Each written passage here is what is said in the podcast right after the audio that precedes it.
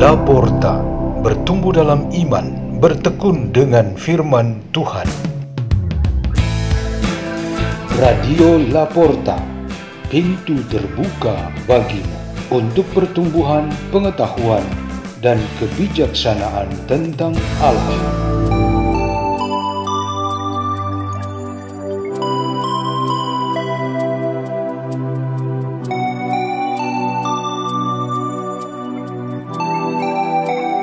Bacaan dan Renungan Sabda Tuhan Hari Selasa, Pekan Biasa ke-28, 12 Oktober 2001. Dibawakan oleh Bruder Alek Wiono SDB dari komunitas Salesian Don Bosco Tiga Raksa Tangerang dan Renti Making dari Malang, Jawa Timur.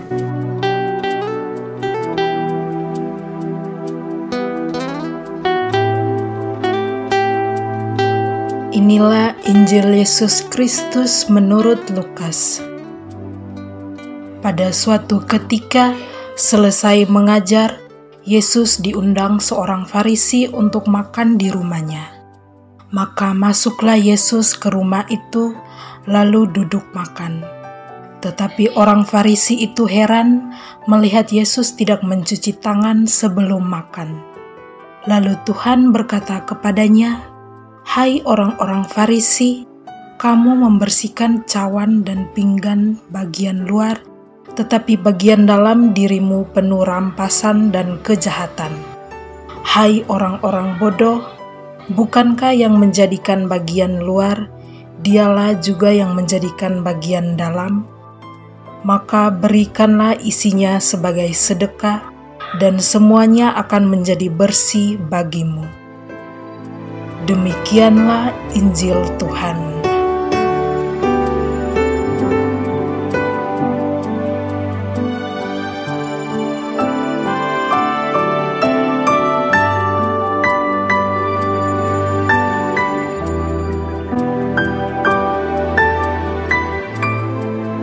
Tema renungan kita pada hari ini ialah Jangan paksakan Tuhan berbelok arah umat Kristen yang adalah anggota gereja yang satu.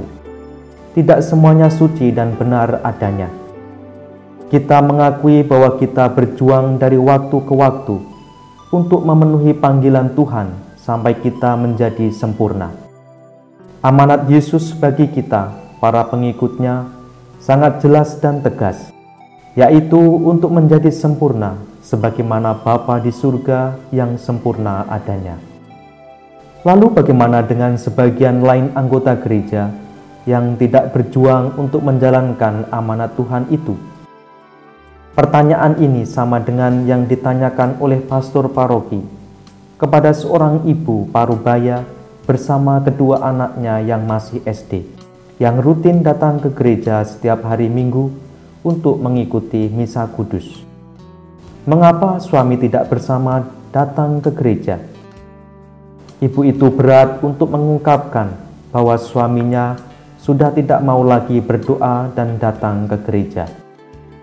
Pastor paroki khawatir akan umatnya, termasuk suami dari wanita itu, yang menurut cerita, sebagiannya telah memilih menjadi hamba-hamba kenikmatan dunia dan bukan hamba Tuhan. Mereka berpikir bahwa Tuhan tidak harus ditemukan di dalam gereja tiap hari Minggu Tuhan dijumpai juga dalam pesta minuman keras yang memabukkan, dalam seks bebas, dalam perselingkuhan, dalam korupsi, dan dalam kejahatan lainnya. Tuhan telah dibuat berbelok arah miring atau terbalik, sehingga tidak lurus lagi dengan kehendaknya yang murni dan benar. Santo Paulus di dalam bacaan pertama sangat berharap supaya iman kita hanya bergantung tegak lurus kepada Kristus Putra Allah. Penekanan ketaatan atau kesetiaan kita tegak lurus ini harus menjadi konsisten untuk seterusnya supaya kita tidak sampai terjerumus ke dalam pengaruh-pengaruh lain yang datang dan pergi tanpa henti. Sekarang ini cara-cara Farisi ditandai semakin berkembang dengan dibantu oleh kemajuan teknologi komunikasi. Kebohongan dan kemunafikan menyebar begitu cepat dan tersembunyi di balik kemampuan alat-alat komunikasi untuk menutupinya. Sepertinya Tuhan dan kebenarannya akan terus dipaksa untuk berbelok arah.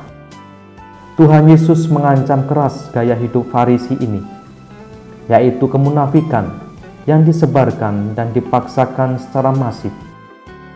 Jadi, bersama Yesus yang sangat tegas dan Santo Paulus yang tulus, kita perlu berpegang kuat pada peringatan ini. Jangan paksakan Tuhan berbelok arah. Sebaliknya, ikut saja arah Santo Paulus dan Yesus karena di situ adalah arah lurus menuju kepada Bapa. Marilah kita berdoa. Dalam nama Bapa dan Putra dan Roh Kudus. Amin.